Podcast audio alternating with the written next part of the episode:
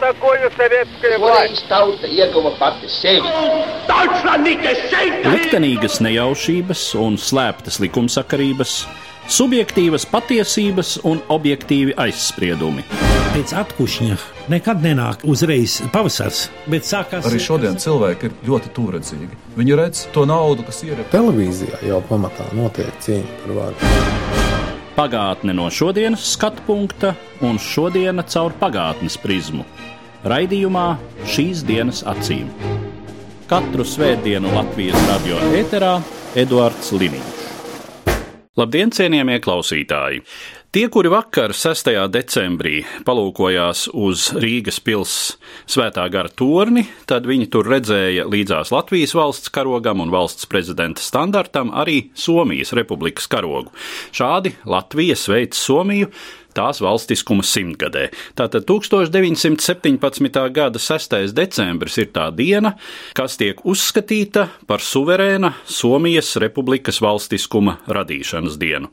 Un par šo tēmatu mans sarunbiedrs šodien - vēsturnieks, Latvijas Nacionālās encyklopēdijas galvenais redaktors Valters Čerbinskis. Labdien! Labdien! Somijai bija ļoti īpašs status Krievijas impērijas sastāvā, Tāpēc es domāju, mums ir jāsāk ar Somijas situācijas raksturojumu Krievijas impērijā līdz Pirmajam pasaules karam un uh, Turpinot, kas mainījās tajā brīdī, kad uh, Krievijā 1917. gada februārī notika revolūcija, Krievija palika bez imperatora, Runājot par Somiju, mēs varam redzēt ļoti daudz paralēlus ar to, kas notika Baltijas guberņās, bet arī pašā laikā ir arī diezgan vērā ņemams atšķirības. Un uh, iespējams šī būtiskākā atšķirība saistīta ar uh, ārkārtīgi lielo autonomijas statusu, kādu ieguva Somijas lielhercogisti pēc pievienošanas Krievijas impērijai. 19. gadsimtā Somija baudīja tik tiešām plašu patstāvību, protams, ar zināmiem ierobežojumiem, bet arī pašā laikā Somijam bija pašiem savu naudas sistēmu, vēl vairāk bruņoties spēki un liela teikšana par savām lietām. No otras puses, 19. gadsimta beigās, 20. gadsimta sākumā mainījās Pēterburgas, jeb imperiālās Krievijas politika attiecībā uz dažādām nacionālām malienēm, un sākās diezgan sistemātiski soļi autonomijas ierobežošanā. Sākās process, ko dēvēja arī par rusifikāciju. Būtībā mēģinājumi integrēt šo lielo autonomiju Krievijas sastāvā. Un šie soļi rusifikācijas virzienā saskārās ar diezgan lielu Somu sabiedrības pretestību, pie tam dažādu politisko grupu neapmierinātību, kuras kulminācija bija Krievijas ieceltā ģenerālgubernatora nošaušana. Viens somu students īstenoja atentātu un nogalināja Bobrikovu. Kas tad notiek ar Somijas statusu un arī ar Somu sabiedrības noskaņojumu tajā brīdī, kad sākas Pirmais pasaules karš. Šīs Somu autonomijas un suverenitātes izjūta nekur nepazūd, un šīs rusifikācijas rezultātā rada lielu neapmierinātību, kas gūst savus izpausmes Pirmā pasaules kara laikā. Jo Somijam ir viens šķērslis uz viņu mērķu sasniegšanu, uz teiksim, lielāku autonomiju vai pat neatkarību, un tā ir Krievijas impērija. Un rezultātā Pirmā pasaules kara laikā Krievijai karojot ar Vāciju, Vācijas pusē iesaistās diezgan liels brīvprātīgo skaits. Vācija izveido īpašu bataljonu, tā dēvēto jēgeru bataljonu, kas tā tad parāda, kur vismaz liela daļa Somijas sabiedrības raugās, uz kuru pusi raugās ārpolitiski, ģeopolitiski, kuru valsti redz pa saviem potenciāliem sabiedrotiem cīņā par lielāku patstāvību. Šī jēgara vēsture ir visciešākā veidā savīta ar mūsu vēsturi, jo liktenis, jeb citiem vārdiem sakot, Vācijas armijas plāni noteica to, ka jēgara bataljons tika izvietots Krievijas armijas ziemeļfrontē un Rīgas pievārtē. Tieši šeit šis bataljons guva pirmās kaujas kristības, krita somu jēgari un iespējams pat kādu brīdi atradās pozīcijās tieši pret latviešu strēlniekiem. Aleksandrs Plensners, viens no vēlākiem Latvijas armijas virsniekiem, savās atmiņās atcerējās, ka ir bijis viens gadījums, kad kāds somu tautības virsnieks, kurš dienēja latviešu strēlnieku daļās, dezertēja un pārbēga pie somiem. Somi bija dislocēti Rīgas pievārtē, Un tuvojoties Pirmā pasaules kara beigām, sabrūkot Krievijai un arī Vācijai zaudējot karu, izveidojās par pirmo topošās Somijas Nacionālās armijas karaspēku vienību, nodeva svinīgi solījumu uzticības zvērestu Somijas valstī Liepājā, Svētās Annas baznīcā. Un arī mūsdienās Somijam ir šīs atsevišķās jēgeru cīņu vietas, kā arī Liepāja, tātad attiecīgā baznīca, kur ir redzama piemiņas plāksne, tāds tā kā turisma objekti, kur Somi, kuri pat neinteresējās Latvijas vēsturi, varbūt viņus noteikti interesē šī jēgeru vēsture un viņi apceļo šīs konkrētās vietas un apskata pieminekļus, vismaz divi pieminekļi Latvijas teritorijā, kritušiem Somijam un tā tālāk. Kā risinās notikumi 1917. gadā? Tātad februāra revolūcija, kā jau teicu, Krievija paliek bez monarha, un Somijas status šai impērijā bija personāla unijas status. Tas nozīmē, ka Somijas piesaisti Krievijas impērijai noteica tas, ka Krievijas imperators vienlaicīgi bija šis Somijas lielhercogs. Un likumsakarīgi Krievijas imperatoram, Krievijas caram atsakoties no troņa, šī saite paliek vakanta. Kopumā raugoties uz Krievijas impēriju šajā laikā, 17. gadā, ir skaidrs, ka Krievijā nav skaidrības par to, kāda būs šīs valsts nākotne. Un mēs varam redzēt, nu ne tikai Somijā, bet visos Krievijas apgabalos dažādus alternatīvus Krievijas nākotnē. Bet Somija, kas ir faktiski bijusi tāda monolīta autonomija, protams, ir autonomijas paplašināšanas procesa priekšplānā. Somijā darbojās parlaments, kurā notiek diskusijas par to, kāda būs Somijas nākotne. Diskusijas sākumā ir ļoti piesardzīgas, tad pašā laikā izkristalizējas vairāk politiski spēki, kas paliek arvien drošāki un drošāki un sāk izvirzīt un aizstāvēt ideju, ka Somijai beidzot nepieciešams pilnībā proklamēt neatkarību. Šis process īpaši pieņemās spēkā pēc lielnieku apvērsuma oktobrī. Un tātad 4. decembrī tiek pieņemts principiāls lēmums par Somijas neatkarības proklamēšanu, un 6. decembrī šis lēmums tiek īstenots. Gan drīz visi politiskie spēki diezgan vienbalsīgi piekrita šādam lēmumam, un tā skaitā arī sociāldemokrāti. Šis process tiešām ir ļoti pakāpenisks un savā ziņā arī tāds loģisks, atšķirībā piemēram no Latvijas.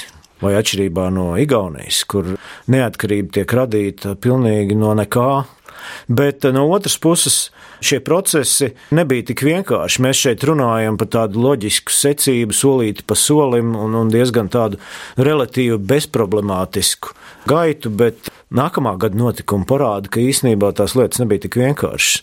Un 18. gada janvārī izraisās pilsoņu karš, tik tiešām uzsver pilsoņu karš, nevis neatkarības karš, kas bija Latvijā vai Igaunijā, bet pilsoņu karš, kurā karo divas puses Somijā, un šīs divas puses, sarkanie un, un baltie, ir ļoti atšķirīgos uzskatos par to, kāda būs šī nākotnes Somija. Šis karš ir ļoti asiņains, vardarbīgs. Karā iesaistās arī kaimiņu valstis, sarkaniem gvardiem sniedz lielu palīdzību Krievijas eh, lielnieki. Krievijas armija, kas joprojām daļēji atrodas Somijā, sniedz materiālu palīdzību, sarkangvardiem savukārt Baltajiem nopietnu palīdzību sniedz vācieši. Un Latvijas vēsturē bēdīgi slavenais Rīdgers Fondergolds ar ekspedīcijas korpusu faktiski veids tādu izšķirošu pavērsienu pilsoņu karu laikā, un no vienas puses palīdz izcīnīt militāru uzvaru, neatkarīgās Somijas valdībai no otras puses rada tādu nu, varoņa un sabiedroto oreolu Somu sabiedrībā, atšķirībā no Latvijas, kur golds tiek savādāk interpretēts starpkara periodā. Manuprāt, tas sekas, kādas ir šim karam, nu, ir vairākas, protams. Pirmkārt, pēc pilsoņu kara, kurā uzvar šīs neatkarīgās demokrātiskās Somijas republikas piekritēji, Baltija, Somi, pakāpeniski stabilizējās politiskā situācija, izveidojusies tātad neatkarīga Somija. Tas ir numur viens. No otras puses, šis karš atstāja ļoti dziļas rētas Somu sabiedrībā. Šis karš, es jau pieminēju, ir saistīts ar lielu asins izliešanu, un šajā asins izliešanā tiešām piedalās liela Somijas sabiedrības daļa vēl vairāk šo rūkumu par kara norisi atstāja nometnes, kurās ievieto zaudētājus, sarkangvārdus un ārkārtīgi dramatiskos apstākļos, bada un nehigiēniskos apstākļos daudz tūkstoši iet bojā. Un tie ir sociāldemokrāti, sociālisti, Un, lai gan karš beidzās, tomēr šis rūkums šajā sabiedrības daļā īsti nepazūd līdz pat 39. gadam.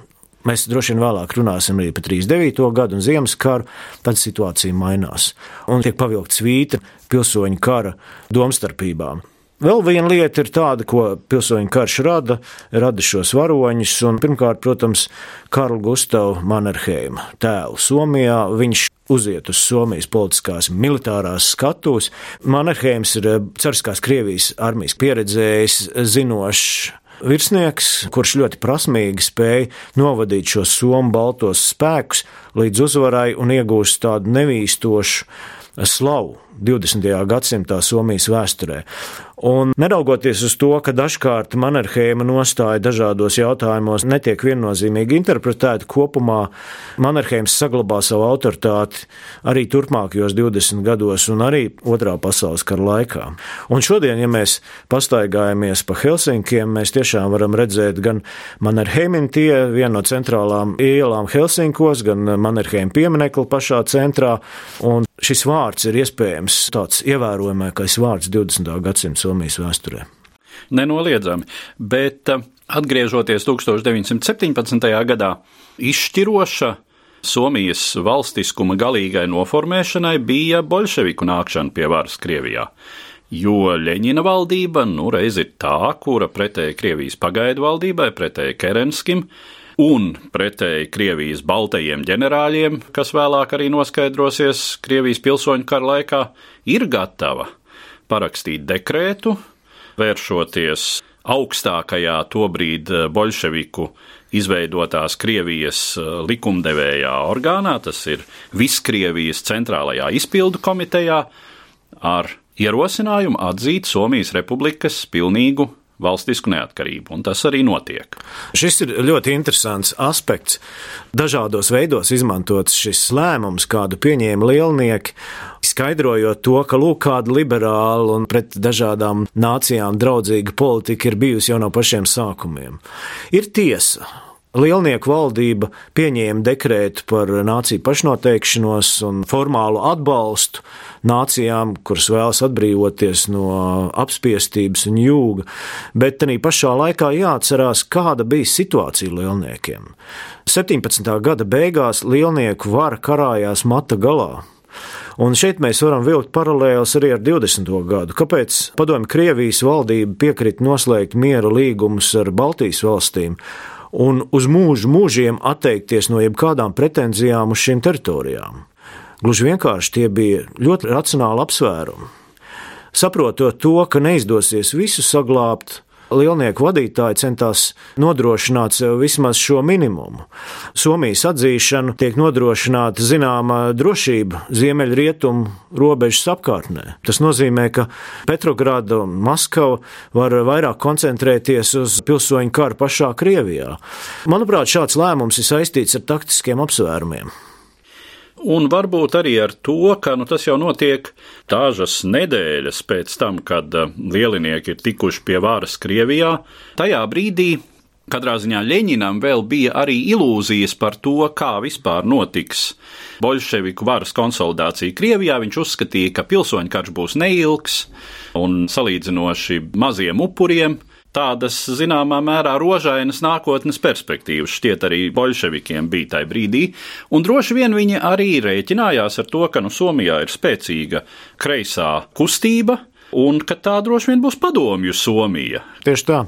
Jau šodien mums liekas viss ļoti vienkārši raugoties no 21. gadsimta perspektīvas, bet eh, tajā laikā pastāvēja ļoti daudz lietas, kurām bija liels jautājums zīmes, un pilnīgi noteikti lielniekiem nebija skaidrs, kā norisināsies. Galu galā arī šī teorija, ko izmantoja Leņņņins, marksismu, leņņismu koncepcijas, nu īsti skaidri nepateica priekšā, kāda būs šī attīstību. Un, ja mēs paraugamies uz nākamajiem gadiem, padomju Krievijā, mēs redzam dažādas atkāpes no tiem uzstādījumiem, kas ir eh, pieņemti padomu Krievijā. Nu, piemēram, jaunā ekonomiskā politika, kura nebija plānota, kuru Marks vai Ļeņins nespēja iedomāties, bet apstākļi piespieda īslaicīgi liberalizēt šo padomu Krievijas politiku un radīt apstākļus, lai gluži vienkārši šī valsts spētu izdzīvot. Bet tā tad eh, notika tā, kā notika, un patiešām šajā brīdī, 1917. gada 6. decembrī, Somijas parlaments ir nobalsojis par pilnīgu valsts neatkarību, un attiecīgi 31. decembrī Ļeņina valdība pieņem šo dekrētu, nu, un tad 4. janvārī 1918. gadā to jau apstiprina piesauktā Viskrievijas centrālā izpildu komiteja. Somijas valstiskuma de jure radīšanas process ir noslēdzies, sekos, starp citu, Somijas gadījumā tūdaļ šīs neatkarības atzīšana, to atzīst tuvāko mēnešu laikā pāris desmit pasaules valstu. Un, ja mēs sakām, tajā brīdī pasaulē pāris desmit, tad tā ir te vai lielākā daļa. Jo to brīdi pasaulē suverēnu valstu ir krietni mazāk nekā šodien. Tieši tā.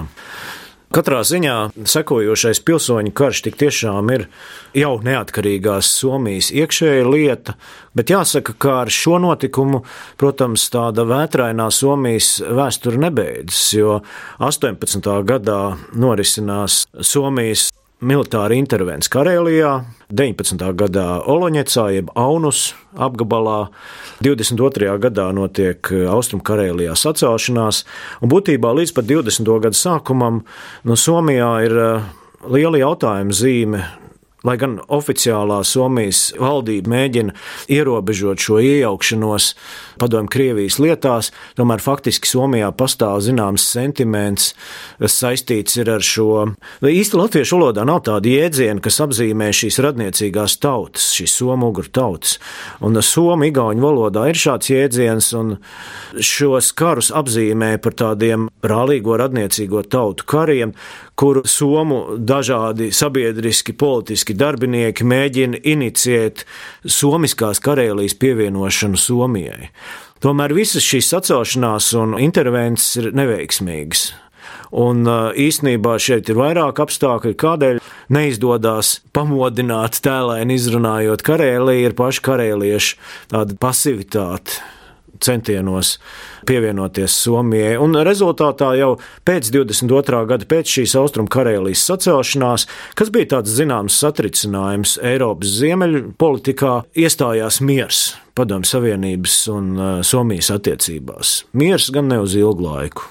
Jā, uz relatīvi neilgu laiku, bet Par šiem notikumiem Somijas pilsoņu kara laikā Latvijā, es domāju, ir visai ierobežots priekšstats. Nu, mēs varam, protams, atrast vispārējas ziņas, un tas, kas tiešām pārsteidz, ir jūsu jau pieminētais upuru skaits kas ir nesalīdzināmi lielāks nekā tie paši upuri Latvijas neatkarības karā. Neatkarības kara laikā ir civiliedzīvotāju upuri, ir tas, ko mēs apzīmējam ar sarkano un ar balto teroru, bet tie ir tādi atsevišķi recidīvi, tomēr salīdzinot ar Somiju, kur tā ir diezgan metodiska savstarpēja iznīcināšana. Pilsoņu karam diezgan raksturīga, protams, kad pretējo pusi uzskata par nepareizajiem, par savas tēvijas nebērniem. Somu vēsturnieki daudz ir eh, pēdējā laikā pētījuši pilsoņu kara dažādus aspektus un mēģinājuši skaidrot šos apsvērumus, mēģinājuši kalkulēt precīzākus skaitļus un uh, nonākuši pie diezgan tādiem neglaimojošiem secinājumiem par šo pilsoņu karu norisi, ka faktiski šī šaušana un slepkavošana notika no abām pusēm, bet nu, īpaši šo bojā gājušo skaitu pacēla, kā es minēju, tātad šīs nometnes, kurās tika ievietots liels skaits sarkangvārdu un turēti ļoti sliktos apstākļos. Pilsoņu karš faktiski nozīmē to, ka sabiedrība ir sadalīta divās vairāk vai mazāk vienādās daļās. Neatkarības karš ir atšķirīgs. Tomēr tomēr neatkarības karš spēja mobilizēt nāciju cīņai pret kādu ārēju ienaidnieku, un līdz ar to šeit šis upuru skaits ir atšķirīgs kvalitatīvā, bet arī kvantitatīvā ziņā. Runājot par Latvijas gadījumu, zināms pilsoņu kara elements bija Latvijas neatkarības karā. Cik tālu mēs atceramies 19. gada sākumu latviešu sarkanos strēlniekus, kuri šeit atnāk līdz ar eh, padomi Latvijas valdību. Es gan īsti nepiekrītu, ka šeit bija pilsoņu kara elements. Pilsoņu karš vai nu ir, vai nu nav. Un, ja mēs uzskatām šos, kas karoja sarkanā armijā, par teiksim, Latvijas sabiedrības daļu, tad, protams, mēs varam tā domāt. Bet šie cilvēki karoja padomju Krievijas armijā. Un, eh, lai gan padomju Latvija pretendēja uz neatkarīgu subjektu statusu, tomēr tajā pašā laikā mēs īsti to pat tādu nevaram uzskatīt. Īsnībā padomju Latvijas vadītāji nemaz negribēja būt neatkarīga valsts. Tas ir fakts, bet nu, es šai ziņā tomēr laikam palikšu pie savām domām. Jo uzskatīt latviešu sarkanos strēlniekus šeit par okupācijas karaspēku arī ir diezgan problemātiski. Bet, tad ir jautājums, kā tad pret viņiem attiekties tajā brīdī, jā. kad 19. gada vasarā viņi masveidā sāk dezertēt no sarkanās armijas un pāriet Latvijas republikas spēku pusē, kas arī ir fakts. Bet jāatcerās tas, ka Šī armija, šī organizācija kā tāda, kas karoja pret pagaidu valdības bruņotiem spēkiem, nebija, teiksim, radusies stihiski vai nestihiski Latvijā. Tā īstenoja citas valsts uzdevumus, mērķus, un šie mērķi nebija saistīti ar cīņu par varu neatkarīgā Latvijas valstī. Šeit bija jautājums, vai Latvija ir neatkarīga, vai Latvija nebūs neatkarīga. Tas, ka tie bija latvieši, kas arī karoja, ne jau tikai latvieši karoja sarkanā armijā, bet arī latvieši. Nu, manuprāt, tas īsti lietas būtība nemaina. Un, ja mēs paraugamies ārpus Latvijas robežas šajā laikā, 19. gadā, 20. gadā, latvieši ir ļoti daudzās iestādēs, latvieši veids dažādas funkcijas padomju Krievijā, un šie latvieši, kas gan etniski ir latvieši, kas runā latviešu valodā, neuzskata sevi par piederīgiem Latvijas valstī vienā brīdī uzskata, un tad atkal nē. Tās ir tādas bieži vien ļoti subjektīvas un uh, arī absolūti ne politisku motīvu diktētas, bet bieži vien personisku motīvu diktētas. Tieši nianses. tā, tieši tā. Droši vien par šo vēl varētu diezgan ilgi diskutēt, un uh, tajā brīdī, kad mēs detalizētāk pēc pāris gadiem pievērsīsimies šiem notikumiem Latvijā 1919. gadā, par to būtu interesanti vēl kādu reizi pastrīdēties. Jums katrs gads būs ko atzīmēt un par ko runāt. Tieši tā. Jā. Bet uh, atpakaļ pie Somijas. Jūs jau ļoti īsi piesaucāt to, ka 1920. un 30. gados Somijas sabiedrībai nācās kaut kā tikt ar to galā. Kāda bija tā politiskā aina, kas Somijā tajā laikā izveidojās? Protams, ir atšķirības ar Latvijas politisko vidi, bet kopumā mēs varam arī atrast daudzas līdzīgas lietas. Nu, Somijā izveidojas līdzīga parlamentāra iekārta kā Latvijā, norisinās partiju cīņa, izveidojās dažādi politiskie grupējumi, ir kreisi sociālisti, ir mēreni sociālisti, sociāldemokrāti, kuriem ir liela teikšana, līdzīgi kā Latvijā, liela teikšana Somijas parlamentā, Eduskuntā, ir konservatīvais spārns, ir minoritāte, zviedru minoritāte, varētu pat vilkt paralēlus ar vācu minoritāti. Latvijas saimā, un ir, protams, arī liberālā daļa. Un liberālo daļu reprezentē vairākas partijas, bet redzamākā no tām ir Agrāriešu savienība, kura izveidojās par tādu Baltijas valstīm un arī Latvijai tādu simpātiskāko politisko spēku, un kas lielā mērā noteica Somijas politiku koalīcijas valdībās diezgan ilgu laiku, sevišķi 20. gados. Un tas kalpo par iemeslu tā dēvētai robežu politikai, kas rezultējās iecerēs izveidot Baltijas valsts savienību. Baltijas valsts savienības idejas autori ir trīs politiķi. Pirmām kārtām tas ir mūsu paša Zigfrīds Mērovics, otrkārt tas ir Igaunijas ārlietu ministrs un treškārt tas ir Somijas ārlietu ministrs Rudolfs Holsti. Un šie trīs vīri, pateicoties šai politiskai konjunktūrai, kuras rezultātā viņi ir valdības locekļi, viņi aktīvi īsteno šo Baltijas valstu tuvināšanos. Un šī Baltijas valstu tuvināšanās rada Latvijā tādu maldīgu priekšstatu par Somiju kā mums ārkārtīgi tuvu un politiski gribošu ar mums sadarboties valsti. Neliels ilūziju sabrukums ir 22. gads, kad Varšavā tiek parakstīts tā dēvētais Varšavas akords, kas nozīmētu to, ka Somija, Igaunija, Latvija un Polija noslēdz savstarpēju aliansi un Holsti atgriezās Helsinkos.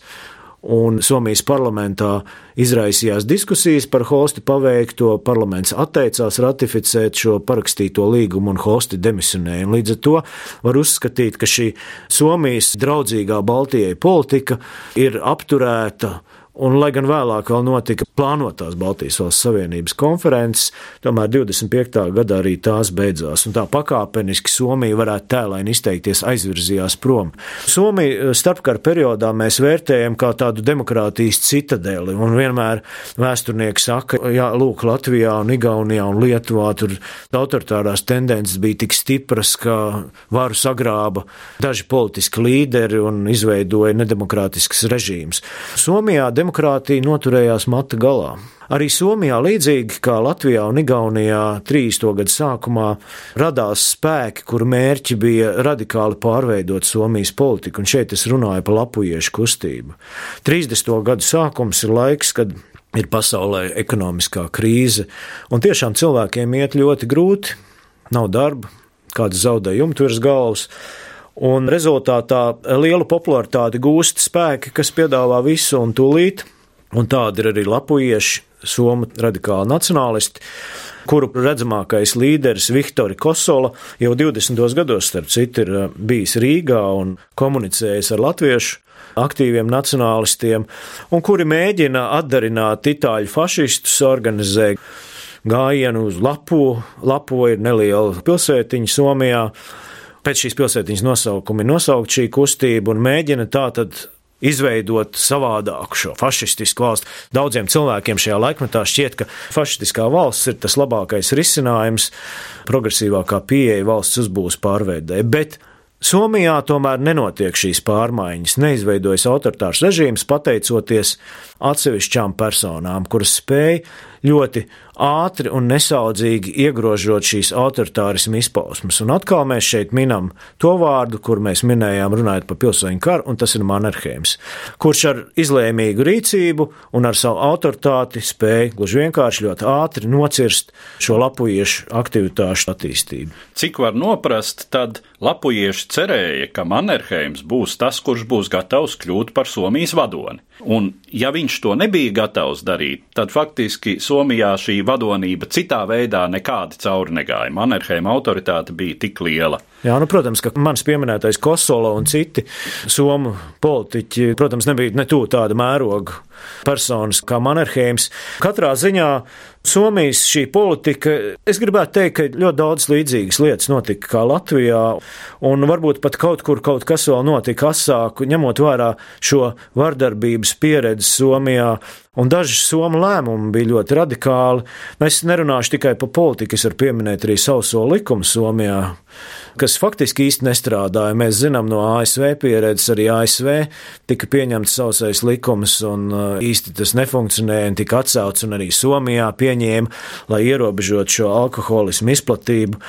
Un uh, Latvijas sūtņi ziņoja no Helsinkiem, ka īstos restorānos aizejot, iespējams nopirkt visus dzērienus, kādas sirds vēlās. Bet katrā ziņā runājot kopumā par Somiju un starpkara periodu, no vienas puses šī Somu politika demokrātijas apstākļos lika domāt par šīm daudzām paralēlām, kādas pastāvēja jaunās demokrātijās, šī mazā pieredze. No otras puses, protams, Somijas pieredze bija par kripatu lielāka nekā Latvijai.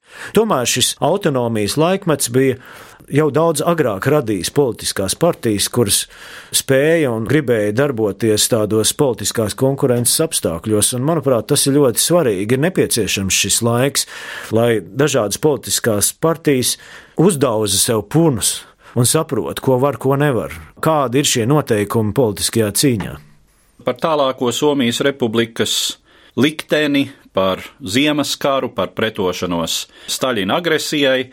Tas jau ir citas sarunas temats, akcentējot vēlreiz to, ko jūs jau teicāt, ka tiešām šī Staļina agresija pret Somiju 1939. gadā konsolidēja Somu sabiedrību. Ļoti lielā mērā likvidējot pretrunas starp zviedru minoritāti un somiem, likvidējot pretrunas starp kreisajiem un labējiem, Jā, es domāju, ka 39. un 40. gads, kad notiks Ziemas karš, sniedza nu, milzīgu mācību Somijam, un varbūt vēl lielāku mācību sniedz arī turpinājuma karš.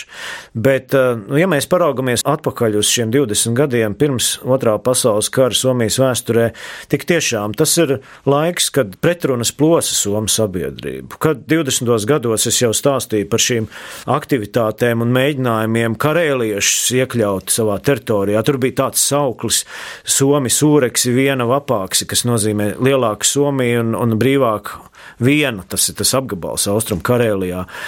Un Somi uz savas pieredzes vienkārši guva šīs mācības, izdarīja secinājumus un pēc otrā pasaules kara rīkojās tā, kā viņu valstī labāk. 39. gads konsolidēja šo sabiedrību, un īstenībā tas ir pārsteidzošs ne tikai pašiem Somijam, bet pārsteidzošs fakts arī agresoram Padomu Savienībai, kura cerēja, ka sākot uzbrukumu Somijai, Somu kreisā strādniecība, komunisti sacelsies un pievienosies Padomu Savienībai, sāks graut no iekšienes Somu valsts, bet tā nenotika. Notika pilnīgi pretēji. Somu sociālisti aktīvi iesaistījās savas valsts aizstāvēšanā, un šī ideja par sociālistisku revolūciju Somijā, kuru uzsāktu šī agresija, neizdevās. Un no Ziemas kara Somija iznāca kā vienota sabiedrība, lai gan daudz zaudējusi, gan kritušos, gan teritorijas, gan reparācijas, bet iznāca kā neatkarīga valsts un ar vienotu sabiedrību. Ar tādiem secinājumiem tad es arī gribētu noslēgt mūsu šodienas sarunu, kas bija veltīta Somijas republikai, kopš kuras tapšanas 1917. gada 6. decembrī mēs šobrīd atzīmējam simts gadus. Un es saku paldies manam sarunbiedram, vēsturniekam, Latvijas Nacionālās encyklopēdijas galvenajam redaktoram Walteram Ščerbinskim. Paldies! Katru svētdienu Latvijas radio viens par pagātni sarunājas Eduards Liniņš.